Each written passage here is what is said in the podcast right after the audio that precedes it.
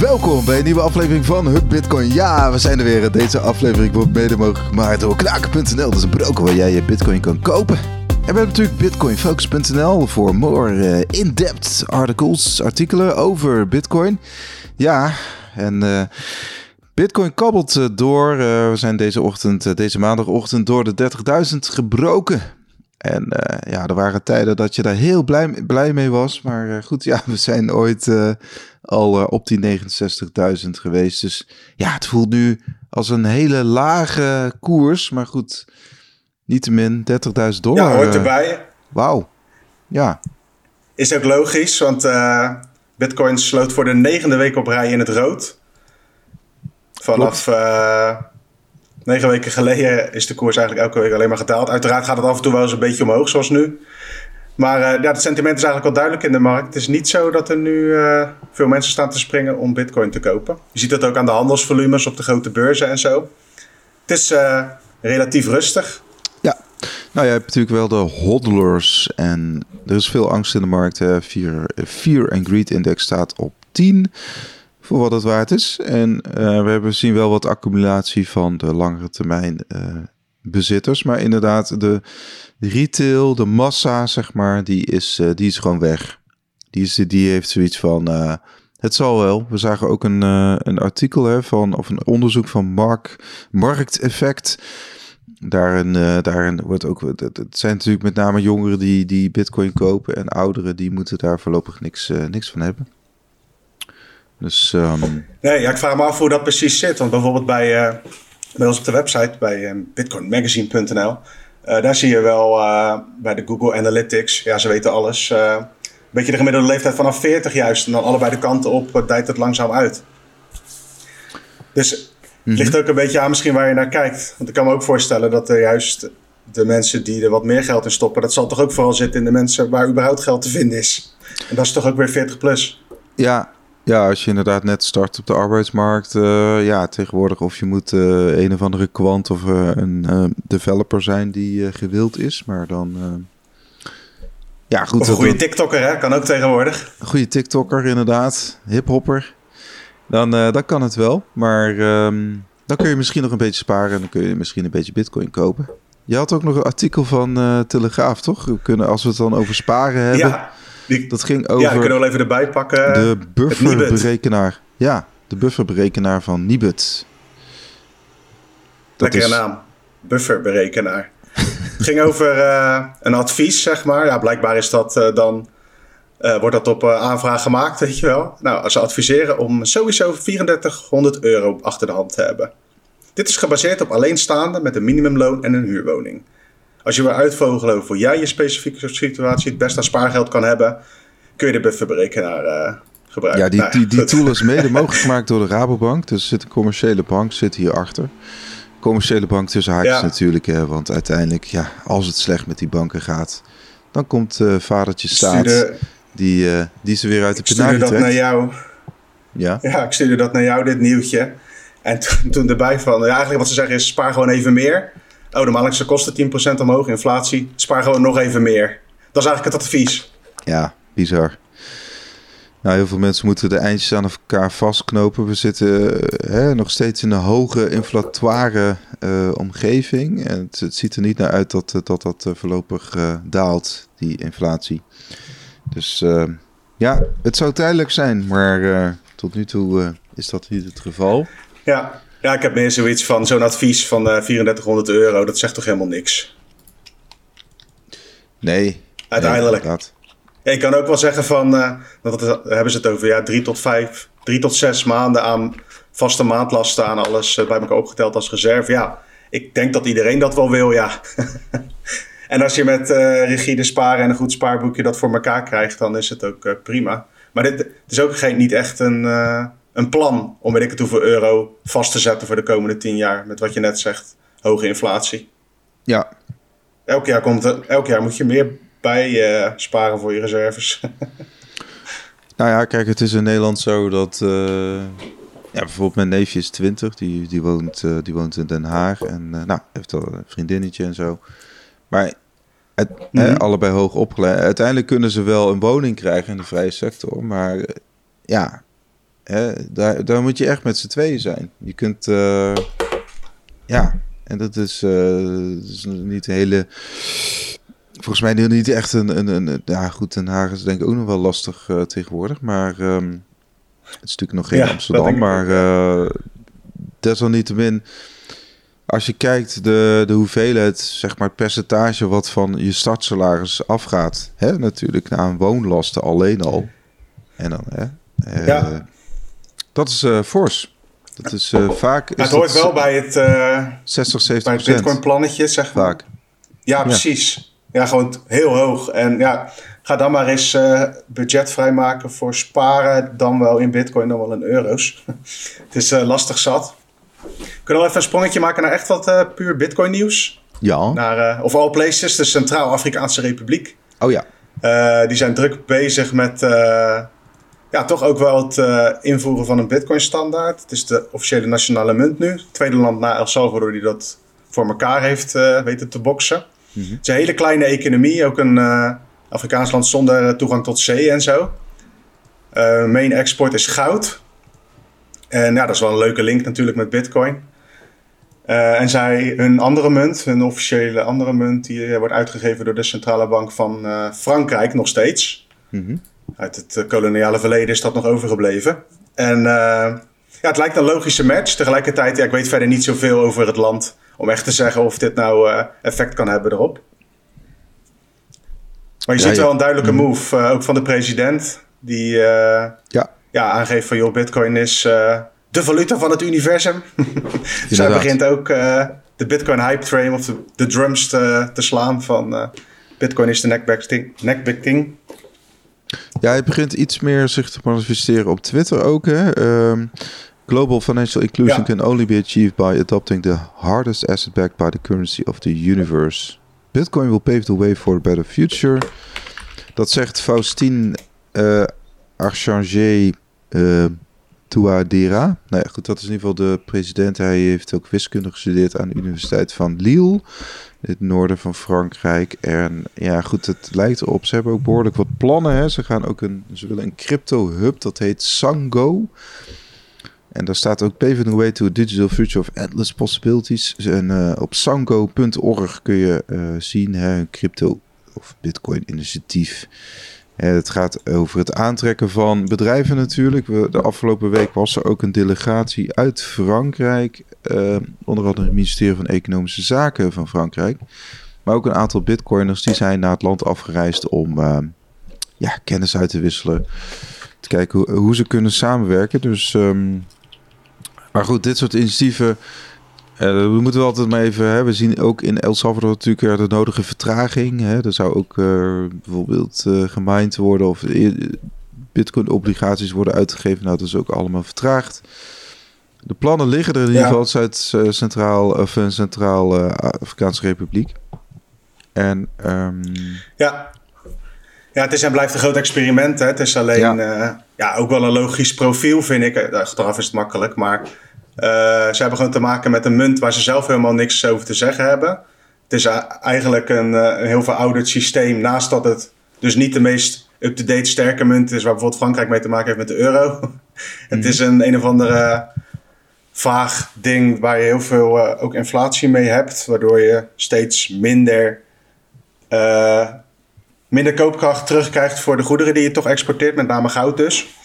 Dus het is logisch eigenlijk dat ze daar uh, in ieder geval mee gaan experimenteren. Betekent overigens niet dat iedereen daar zomaar akkoord mee gaat. Uiteraard, de Wereldbank vindt er weer wat van. De Bitcoin Hub is onrealistisch en onuitvoerbaar. Weet mm Bloomberg op te tekenen. En daar zie je eigenlijk weer een beetje hetzelfde als in El Salvador. Hè. Zij kregen te maken met tegengas van het IMF, van de Wereldbank. En zelfs ook in de Amerikaanse Senaat, geloof ik, was dat, ging het erover. Oké. Dus je ziet toch ook wel tegengas. Het is niet zo dat, uh, dat de Wereldbank zegt van... hey, tof dat jullie gaan experimenteren met wat nieuws. ja, want als we inderdaad nog heel even die plannen doornemen... Hè, want ik heb dat, uh, dat rapport heb ik hiervoor... Ja. het document sango.org slash sango.pdf... uh, het gaat onder andere over een e-residency uh, program. Dus dat hebben we natuurlijk in, IJs, uh, in Estland ook. Hè? Dus wij als Nederlander zouden wij ook gewoon burger, burger kunnen worden van Estland bijvoorbeeld. Nou, dat kan. En de citizenship by investments. Dus ze zijn echt, echt op zoek naar buitenlandse investeerders. Het is natuurlijk een heel arm land. Een van de armste landen ter wereld. Volgens mij is ook de internetpenetratie ook iets van 10% of 9 of 10% zijn echt op zoek naar. Niet heel eh, hoog dus. Ja, bedrijven hè, die dus iets willen doen uh, met de digitale infrastructuur. Uh, die kunnen ook rekenen op 0% vermogensbelasting en 0% inkomstenbelasting. Dat is, dat is, dat, daar proberen ze mensen mee te lokken natuurlijk. En wat ze ook nog zeggen is dat ze hebben natuurlijk, het is zeg maar een land met veel grondstoffen zoals goud, diamant, uranium koper, uh, kobalt, nikkel, lithium en petroleum. Olie dus. Ja.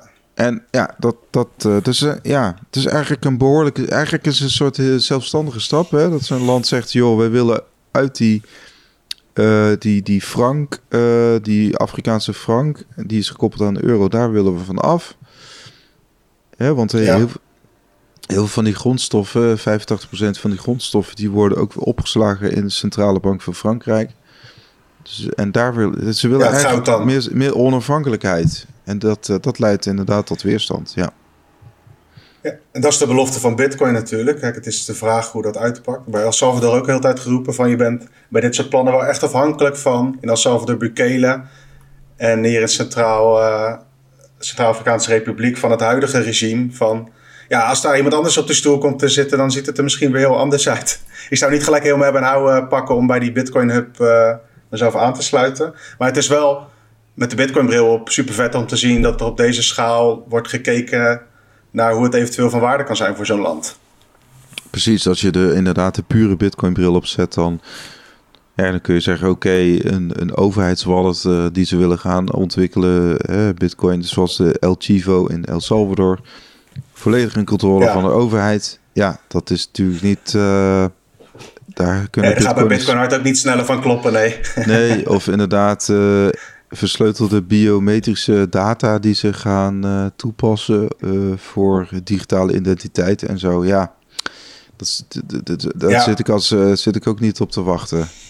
als burger zijn. Nee, nu dat zo zegt, het kan ook een testtuin worden voor allerlei digitale identiteitscrap met dan een Bitcoin jasje eromheen. Dat kan inderdaad ook gebeuren, ja. Ja. En dat klopt. Dus Want die infrastructuur, kijk in Nederland, als je geboren wordt, is het allemaal heel duidelijk. Je wordt eerder ingeschreven dan dat je je naam hebt, bij wijze van spreken. je krijgt gelijk een nummertje opgeplakt.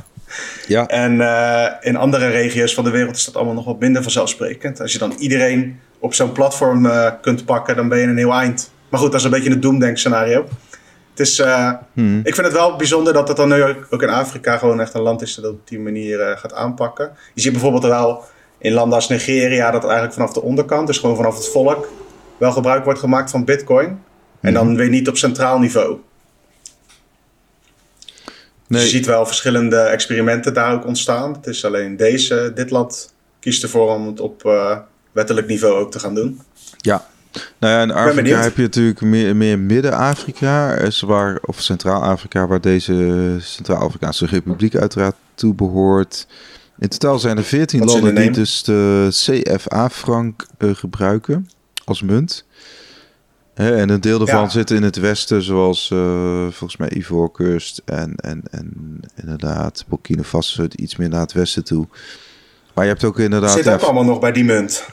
Ja, het zijn totaal 14 landen. Oh. Uh, ja, dat zijn natuurlijk de oude koloniën. Uh, twaalf voormalige Franse koloniën en twee, uh, nog twee landen erbij. Die waren volgens mij van Portugal en Spanje. Guinea-Bissau en Equatoriaal Guinea. Uh, dus in totaal 14 landen die die munt hebben.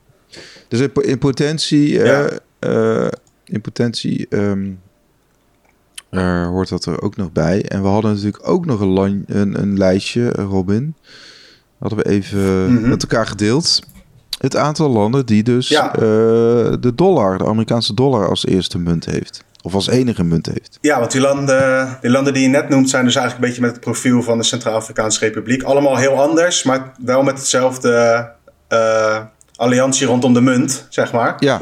En El Salvador heeft eenzelfde situatie. Die hebben de Amerikaanse dollar ehm, als munt genomen. En die landen als, ga ik ze even opnoemen: Ecuador, Zimbabwe, de British Virgin Isles, de Turks en Caicos, Timor en Lest, Bonaire, Micronesia, Palau en Marshall Islands en Panama.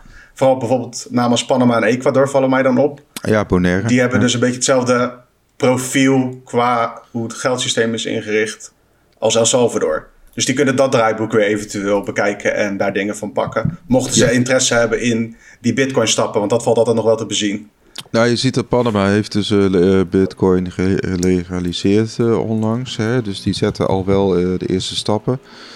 Hè, we zien ook Paraguay, ja. een land als Paraguay legaliseert ook de bitcoinhandel en mining. Ze hebben ook een wettelijk kader zeg maar goedgekeurd om bitcoin ja, te legaliseren. Ja, moet je dan een beetje zien, denk ik, gewoon net als, bij ons. Hè? Gewoon dat je dus een bepaald controleorgaan hebt waar je aan moet melden voordat je bitcoin mag verkopen. Nee, nou, dit was ook echt wel uh, dat, dat Bitcoin in ieder geval gelegaliseerd wordt als betaalmiddel. Dus het is niet zo dat, dat ze zeggen: hey, Bitcoin wordt onze standaard. Maar het is meer van. Oké, ja.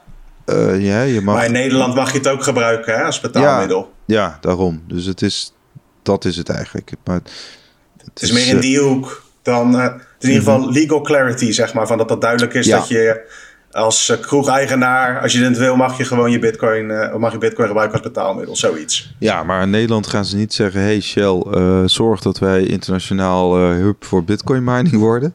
Maar dat zeggen ze in Paraguay, nee. dat zeggen ze in Paraguay wel. Ja. In Paraguay zeggen ze wel ja. van, hey, wij hebben een leuk stroomtarief, 5 dollar cent per kilowattuur. Nou, dat is, ja, goedkoop, dat is laag. Dat kun je ook met China of Kazachstan of uh, Texas mee concurreren. Dus uh, nou, waarom niet? Dus uh, dat is ook weer een land die miners wil gaan aantrekken. Nou ja, op het moment dat miners zich in je land gaan vestigen, dan, dan begint natuurlijk, dan komen daar bitcoiners naar je land toe. Je hebt bedrijven, er komen, worden bitcoin worden op jouw land uh, ge, gemined. En ja, die bitcoin moeten ergens heen. Of die moeten ergens, of dat nou in een bedrijfskas is, maar ze moeten ergens legaal natuurlijk uh, ge, opgeslagen worden, et cetera. Nou, en daar, daar is dus die, uh, die, dat nieuwe wettelijke kader voor. Ja, ik snap dus, hem. Uh, ja, op zich wel, wel logisch ook, hè? want uh, je noemde het net al even, als miners zich gaan vestigen in je land, dan gebeuren er dingen. In Amerika is ook een opvallende trend gaande. Dus van bitcoinmagazine.com hadden daar een uitgebreid artikel over. Mm -hmm. Dat de olie- en gasindustrie in het land echt wel meer dan alleen maar een beetje uh, met bitcoin mining bezig gaat. Moet je denken aan uh, verschillende partnerships over het hele land. Exxon uh, had natuurlijk een x-aantal pilots met af, of, hoe dat? Fakkelgas. Mm -hmm. Afvakkelgas. In ieder geval waar ze zaken bij afvakkelen en die energie gebruiken ze dan om bitcoin te minen. En zo zijn er allerlei andere initiatieven, investeringen om te kijken of je als energiebedrijf iets aan bitcoin mining hebt. Ja. Nou ja, dat... Op zich is dat, wel een, ook een interessant uh, narratief. Want in een bitcoin-wereld... Ja, eigenlijk zijn de energiebedrijven dan uh, de geldbedrijven ook geworden. Klopt, klopt. Ja, dus, uh... dat, wordt, dat is echt... Misschien, dat is ook wel een strijd stiekem van... ja, de energie, als bitcoin energie is en het is geld... dan is de energiemarkt nog belangrijker dan het al was. Als het ook nog eens je geld... voor je geld zorgt. Ja, dat wordt dan een nieuwe financiële markt, kun je zeggen. Ja, dus dat, dat, dat zijn de nieuwe banken, zeg maar. Als, als... Ja, nou, dat is een beetje filosofisch, maar als het, uh, ja, als het zo doorgaat wel. als Bitcoin blijft groeien als uh, interessant object om uh, energie in te stoppen. Ja, dat is ook wat overheden zien. Hè? Overheden zien dat natuurlijk ook echt als een kans om ja, een deel van de energie. Ja, als je nu niet aan het winnen bent deel van de e- energieproductie willen ze sowieso in handen hebben of onder controle hebben. En dat zie je bijvoorbeeld ook in Rusland, uh, uiteraard. Uh, de ja. uh, minister van Industrie en Handel die vindt dat dus de miningactiviteiten in Rusland die moeten ook gelegaliseerd worden of gereguleerd worden. Hè, en dat is ook een nieuwe stap, hè, want ook in Rusland zit men te overwegen. Er was persbureau Interfax die zei van... hey, wij willen ook uh, cryptocurrencies als uh, voor internationale betalingen toestaan. Dat is al eerder uitgeuit. Hè? Dat, ze, dat ze olie en gas willen ja. verkopen voor uh, crypto's of goud. Hè? En ehm, ja. we zagen ook bijvoorbeeld een land als Tsjechië. die waren ook bezig met, met goud, bepaalde goudontwikkeling. Dus je ziet wel dat, dat landen, zeg maar, kiezen voor alternatieve assets in plaats van, uh, van hun eigen fiat-valuta. Ja, je noemt net Rusland even. En uh, ik zat nog even dat stuk van magazine.com te lezen. Je hebt ook een bedrijf, Con ConocoPhillips, dat is ook een energiebedrijf. En die mhm. leveren bijvoorbeeld gas aan bitcoin miners. Ja, je kunt, je, je kunt heel makkelijk een scenario uittekenen waar natuurlijk gas geleverd kan worden op allerlei plekken in de wereld, maar ook zeker in Rusland, aan miners op die manier. Dan is ja. dus de vraag of het, of, dat, of ze dat willen doen, weet je wel. Of dat, uh, maar je hebt dan wel een standaard afnemer van je gas. Ja. Dus dat zijn allemaal van die puzzelstukjes die uh, ook in, bijvoorbeeld in Amerika nu langzaamaan in elkaar lijken te vallen. Dat is wel een interessante markt. Ik ga me daar niet mee bemoeien. Ik ga niet met die aandelen spelen en zo. Maar als je het hebt over uh, interessante groeimogelijkheden. Zeker, zeker. Hè? En um, ik bedoel, de vraag naar, de vraag naar fossiele brandstoffen, fossiele energie, uh, die, die blijft ook gewoon toenemen. Hè. Daar moeten we ook niet moeilijk over doen. Want je kunt niet. Je ja, kunt dat niet, een feit. Nou, je kunt ook niet alles elektrificeren. Hè. Je kunt niet zeggen, hé, hey, we gaan deze, deze, deze broodjes of uh, deze platen metaal, die gaan we via, ja. via wind of zon. dat, dat kan, je kunt niet zomaar Tata Steel gaan elektrificeren. Dat, dat, kan, dat kan gewoon dat niet. Gaat, gaat heel lastig worden. En dat zien die energiebedrijven eh, ook. Die weten ook wel dat ze moeten blijven gaan produceren. En als je dan een standaard afnemer als ondervang hebt in de vorm van bitcoin, dan bitcoin mining, kan dat uh, voordelig zijn. Ook, nee, ook voor het uitbreiden en het verbeteren van het energienetwerk met het oog op wat er allemaal aan de hand is met Oekraïne en Rusland bijvoorbeeld. Het kan, alleen, het kan in je voordeel werken juist als bitcoin mining ook voet aan de grond krijgt in, uh, in Europa. Ja, kijk, wat je nu op lokaal niveau ziet, dat zie je ook al in Nederland, is dat, uh, dat er te veel uh, opgewekt wordt op zonnige dagen of windrijke dagen. En dan uh, ontstaat er natuurlijk een negatieve energieprijs, in ieder geval op de handelsmarkten. Maar wij als consument merken daar helemaal gereed van. Maar, het, maar dat, dat ten eerste, maar goed, die energie die stroomt nu vaak gewoon weg. Hè, dus die, daar wordt, ja. dat komt eigenlijk niet op de markt. En daarvan kun je zeggen, hey, die energie, die overcapaciteit kun je ook inzetten voor, uh, voor bitcoin mining. Maar goed, zover is Nederland niet. En dat is eigenlijk heel jammer. Want we, zouden, we hadden op bitcoinfocus.nl ja. ook uh, een, een ondernemer uit, uit Brabant. Hoe heet die? Bert de Groot. Ja, die, die is ja. daarmee bezig. Die is eigenlijk aan het verduurzamen en tegelijkertijd bitcoin aan het, aan het minen. Ja, dat, dan ja, dat is een kleine schaal. Kijk, als jij een, een industrieel, uh, industrieel ontwerpachtergrond hebt met echt grote, uh, complexe systemen. Volgens mij is er dan echt een gat in de markt voor bitcoin mining op bepaalde energy grids te gebruiken. Ja. Maar goed, ik ben er zelf niet handig genoeg voor. Dus ik moet afwachten tot iemand anders daarmee komt. Maar dat lijkt me nou typisch zoiets waar, waar wat te halen valt. Ah, kijk, ik kan me voorstellen als je... in ieder geval vanuit de overheid dat gaat niet vanuit de overheid gestuurd worden. Dat moet dan vanuit onderaf ergens in Nederland een gek zijn die dat voor elkaar weet te boksen. Ja, je hebt in Nederland ook gewoon heel veel internationale bedrijven. Nou, je hebt bijvoorbeeld Tata Steel. Tata Steel gaat zeggen, joh, um, ik vind het mooi. We hebben zoveel uh, overschot aan energie. Uh, wij ja. willen gewoon bitcoin op de balans hebben. Wij gaan ook bitcoin minen. Hè, net zoals ExxonMobil in Amerika gaan wij uh, vanuit India gaan wij gaan wij in al onze vestigingen. Ja, en dan komt het ineens, want dan moet Tata Steel in IJmuiden, ja, die moet ineens met het ministerie van Economische Zaken gaan praten in Den Haag. Van, uh, ja, ja. Uh, we hebben restwarmte over. we willen dat gaan gebruiken om bitcoin miners, we willen hier bitcoin miners gaan installeren in IJmuiden. Ja, ja, ja. Okay, ja, dan heb je het wel over een scenario dat het in, uh, in Amerika succesvol is. Hè? Dus dat daar geluiden ja. naar buiten komen ja. van... hey, jongens, dit werkt voor ons. Dit wordt een significant onderdeel van ons businessplan de komende jaren.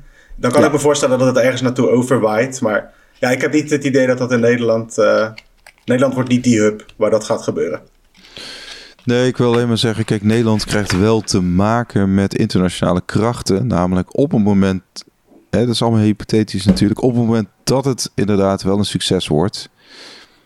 Hè, en als Shell ook ziet van, hé, hey, oh, uh, onze grote concurrent uit Amerika, hè, of het nou ExxonMobil is of British Petro Petroleum, BP, ja, mm -hmm. ze, ze moeten daar dan in mee.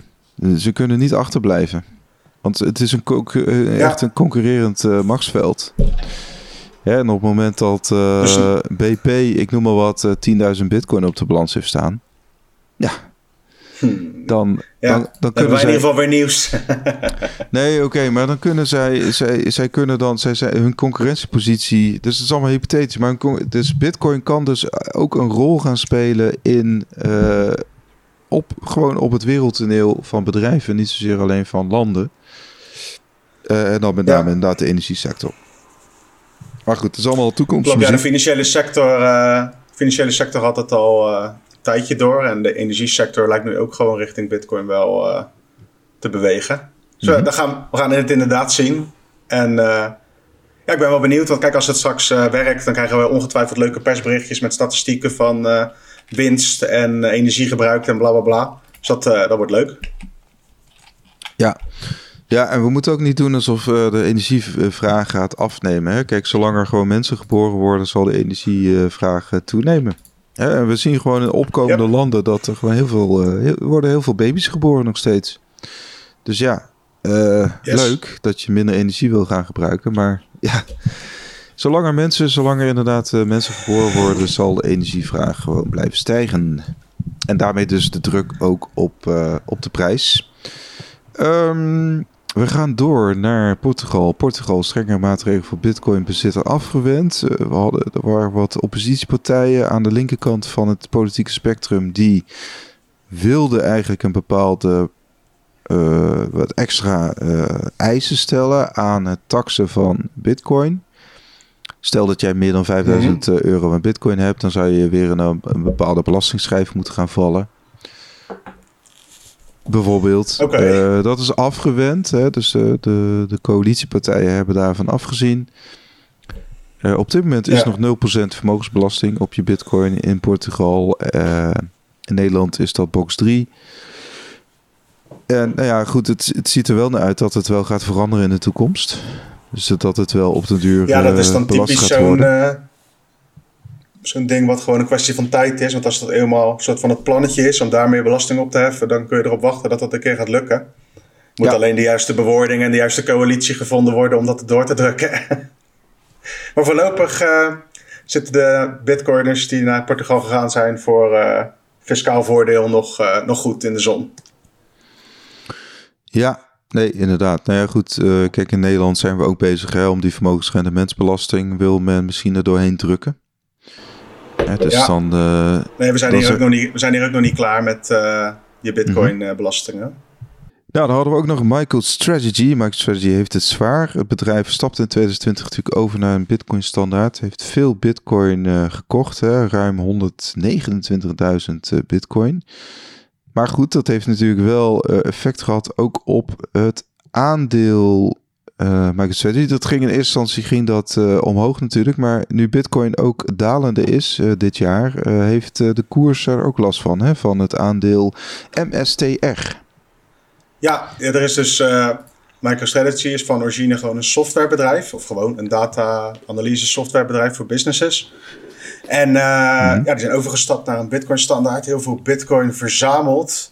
En nou, dat, er was best wel een, een hype rondom die aandelen blijkbaar. Schoot echt uh, omhoog naar prijzen boven de, eventjes naar boven de 1000 dollar per stuk. Inmiddels is de koers ver ongeveer onder de 200 dollar gedoken. Om aan te geven dat dat gedeelte van de aandelenmarkt gewoon weg is. Heel de aandelenmarkt zelf heeft ja. natuurlijk lastig. Snapchat, Netflix, maakt eigenlijk niet uit welke hippe aandelen. Alles uh, heeft een knauw gekregen. En een Bitcoin, bij Bitcoin-bedrijven lijkt het wel extra heftig te zijn dan bij andere. Mede omdat er dus ook dat die blootstelling aan Bitcoin ook meespeelt. En Bitcoin wordt toch zeker in die contraien wel echt gezien als een risico nog steeds. Klopt inderdaad. Ja, Bitcoin-bedrijven hebben last. Hè? Ook miners zie je dat de koersen van miners zijn flink aan het dalen. Uh, Bitcoin zelf, hè, dat komt door de hoge correlatie met de aandelenmarkt. Bitcoin wordt gezien als een risicovolle asset. En dan heb je inderdaad uh, handelaren uh, die dan afstand doen van, van Bitcoin. Komt, komt en ook tussen inderdaad Bitcoin bedrijven zoals MicroStrategy wordt eigenlijk gezien hè, als een Bitcoin bedrijf. Ja, die gozer dus, heeft volgens mij de crash van 2000 ook meegemaakt. De dotcom-bubbel bedoel ik.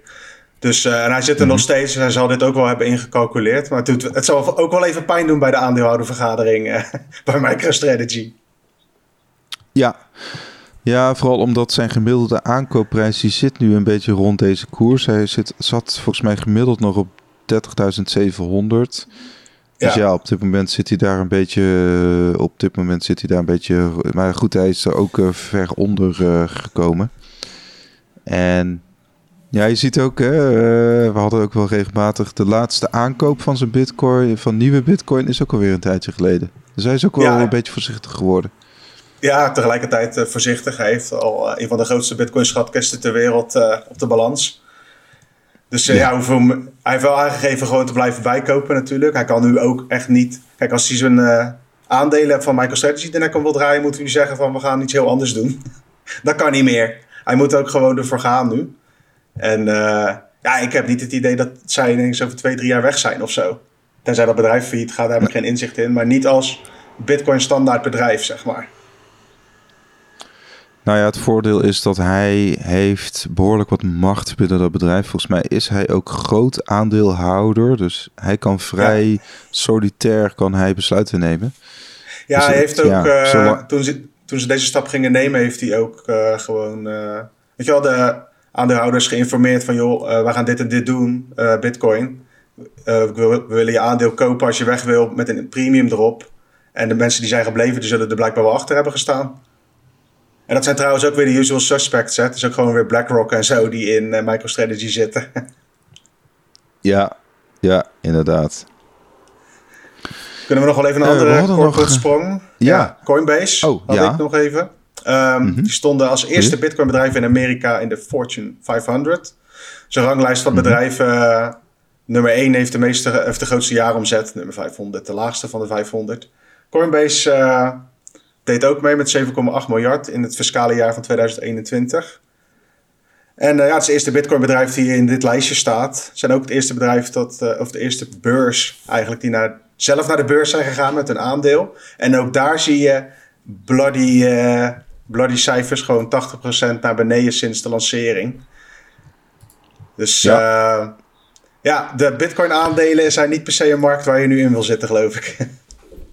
Ja, nou was het wel zo dat. Uh, dat bleek volgens mij uit de Wall Street Journal dat onder andere medeoprichters Brian Armstrong en Fred Eersam, die hebben wel voor. Uh, 1,2 miljard dollar uh, aan aandelen verkocht. En dat deden ze uh, ook op een goed moment. Namelijk, uh, ja, dat, dat werd toen nog verkocht uh, tussen een prijs van 422 dollar en 189 dollar per aandeel Coinbase. Dat is aandeel Coin. Ja. En op dit moment staat die prijs op 75 dollar. Ja. Dus dat, ja, dat, dat zie je wel vaker. Hè? Dat, eigenlijk de, de, en dat zie je eigenlijk in die zin. Kun je ja, kun je zo'n aandeel ook wel vergelijken met een shitcoin. Omdat ja. Ja, bij, bij shitcoins, bij altcoins, uh, ook wel gezegd, degene die achter zo'n protocol zitten, die hebben ook heel veel tokens. En die kunnen dan ook altijd, die verkopen ook altijd op de top. Omdat zij natuurlijk heel dicht. Uh, ze kunnen gewoon die koers ja. ja. manipuleren. Dus, moet wel bij gezegd worden dat die bijvoorbeeld die Armstrong, dat stond er dan ook in, die heeft nog wel nog steeds 59% van al het stemrecht aandelen, zeg maar. Dus het is niet zo dat hij een gigantische positie heeft verkocht, dat hij ook echt een stapje terug doet. Het is meer, uh, kijk, het is toch leuk vakantiegeld. 292 miljoen aan aandelen. Zeker. Zeker. Ja, dus uh, we hadden nog een ludieke actie in Kopenhagen, Denemarken. Daar oh was ja. Uh, ja. de CEO van Bitcoin Suisse, Nicolas uh, Nicolaisen. Dat is een Deen, maar hij is al jarenlang de baas bij een Zwitsers bedrijf. Dat heet Bitcoin Suisse. Bitcoin Suisse is eigenlijk ja, gewoon een een beurs, maar ook een uh, bewaarder, een bewaardienst voor jouw bitcoin. Maar hij was in zijn uh, hometown Kopenhagen en daar werd een nieuwe whiskybar geopend.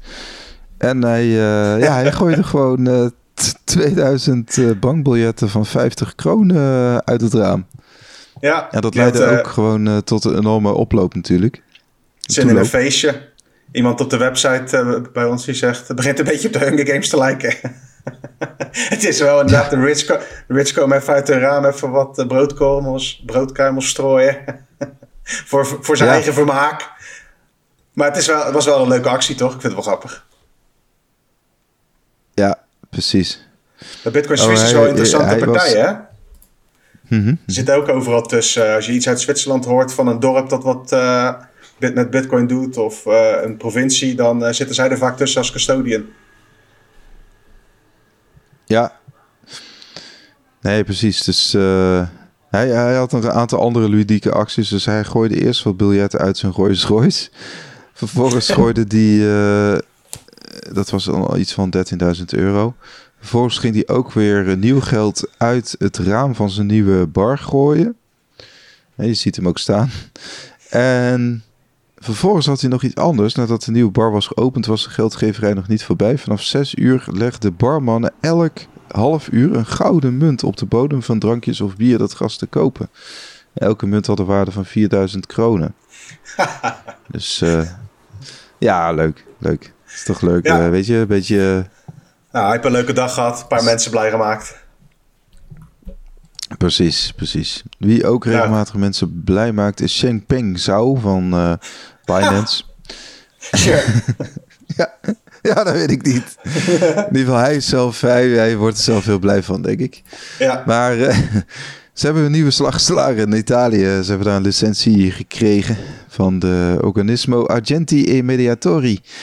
Uh, de o OAM die laat op de website weten dat uh, Binance Italy nu onder hun toezicht staat. Dus zij mogen dus uh, bitcoins gaan aanbieden aan Italianen. Italiaanse ja, dat deden ze al waarschijnlijk, maar markt. nu uh, kunnen ze dat dan via de lokale weg op de juiste manier doen met toezicht en toestemming van de lokale regelgevers, toezichthouders.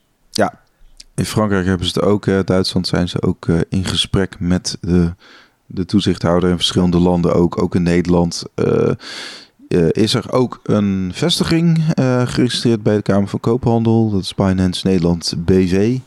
Maar die, die zijn nog niet door de keuring? Die zijn nog niet door de keuring, inderdaad. Dus dat, dat is een kwestie van tijd, denk ik. Ja, wat het eigenlijk is, is dat is ze de boel... Dat, mm -hmm. oh, dat ze de boel opknippen. Want ze bieden natuurlijk eigenlijk alles aan, hè? Alles wat, uh, nou niet wat God verboden heeft, maar wat de toezichthouders verboden hebben, dat bieden ze aan. Maar maakten ze eigenlijk niet uit vanaf de start in 2017. Inmiddels zijn ze nu bezig om het een beetje te consolideren. Zie je allerlei, Binance US is bijvoorbeeld een belangrijke voor hun, om de Amerikaanse markt aan te bieden. En wat, wat je daar ziet is dat ze een beperkt aantal producten dan aanbieden die daar gewoon binnen de regeltjes vallen.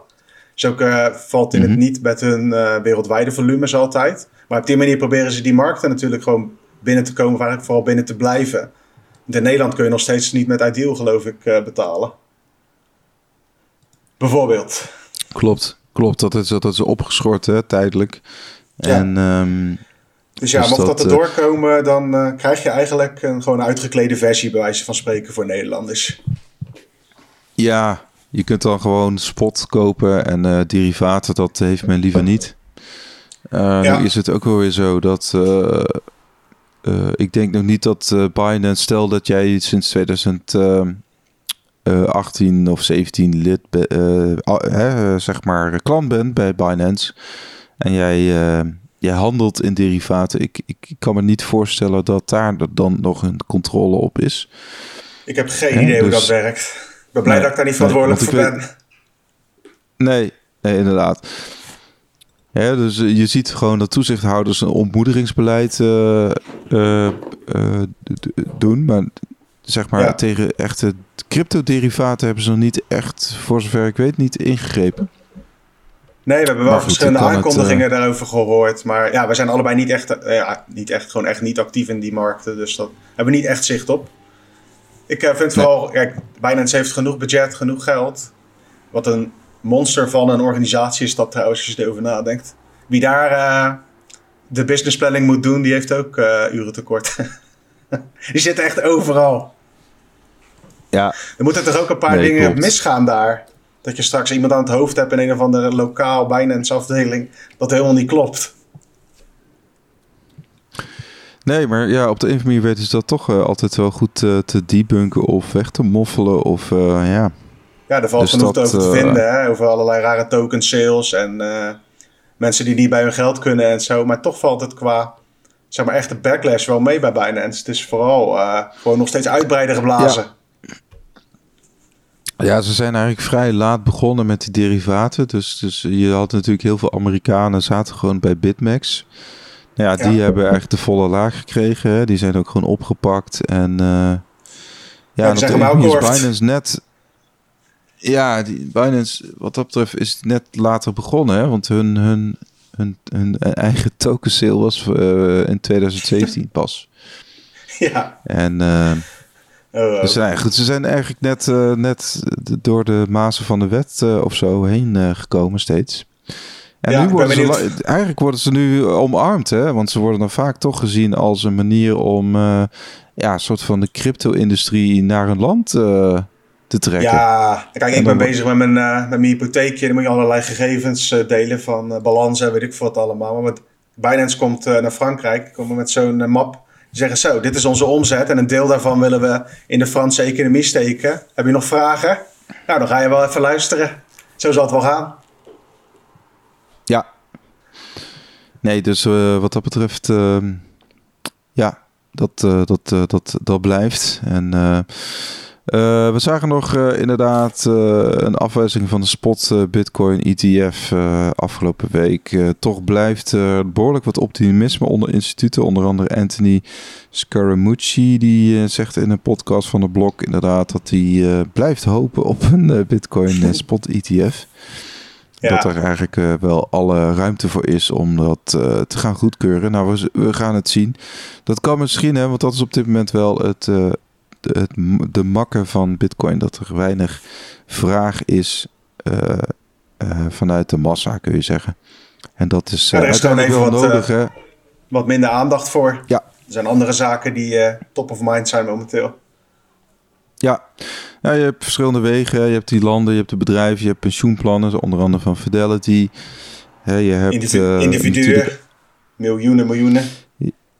Ja, dus, dus het zijn allerlei. En dat, dat is gewoon toch een olie, olievlek die zich. Um, wat de prijs ook doet. Hè. We zijn onder uh, richting 25.000 gegaan. Maar je ziet toch dat de hash rate blijft ook bijvoorbeeld stijgen. Dus ook ja, wel een, een goede, behoorlijke... goede indicator van uh, vertrouwen in het netwerk. Want ja, die miners... De meeste van die nieuwe miners worden ook pas geleverd in 23. dus je moet wel een iets langer termijn plan hebben. Moet je eerst een jaar of twee minen of één om het terug te verdienen.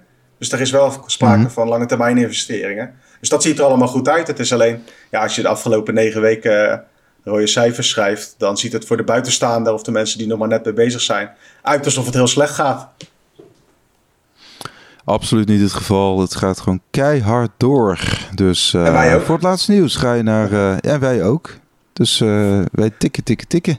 Bitcoinmagazine.nl nieuws elke dag weer. Uh, ga naar de socials, uh, Twitter, uh, Facebook of Telegram, et cetera, et cetera. En dus, en bitcoinfocus.nl, bitcoinfocus de nieuwsbrief voor Bitcoin Nederland. Ja, alright. Dus tot de volgende keer.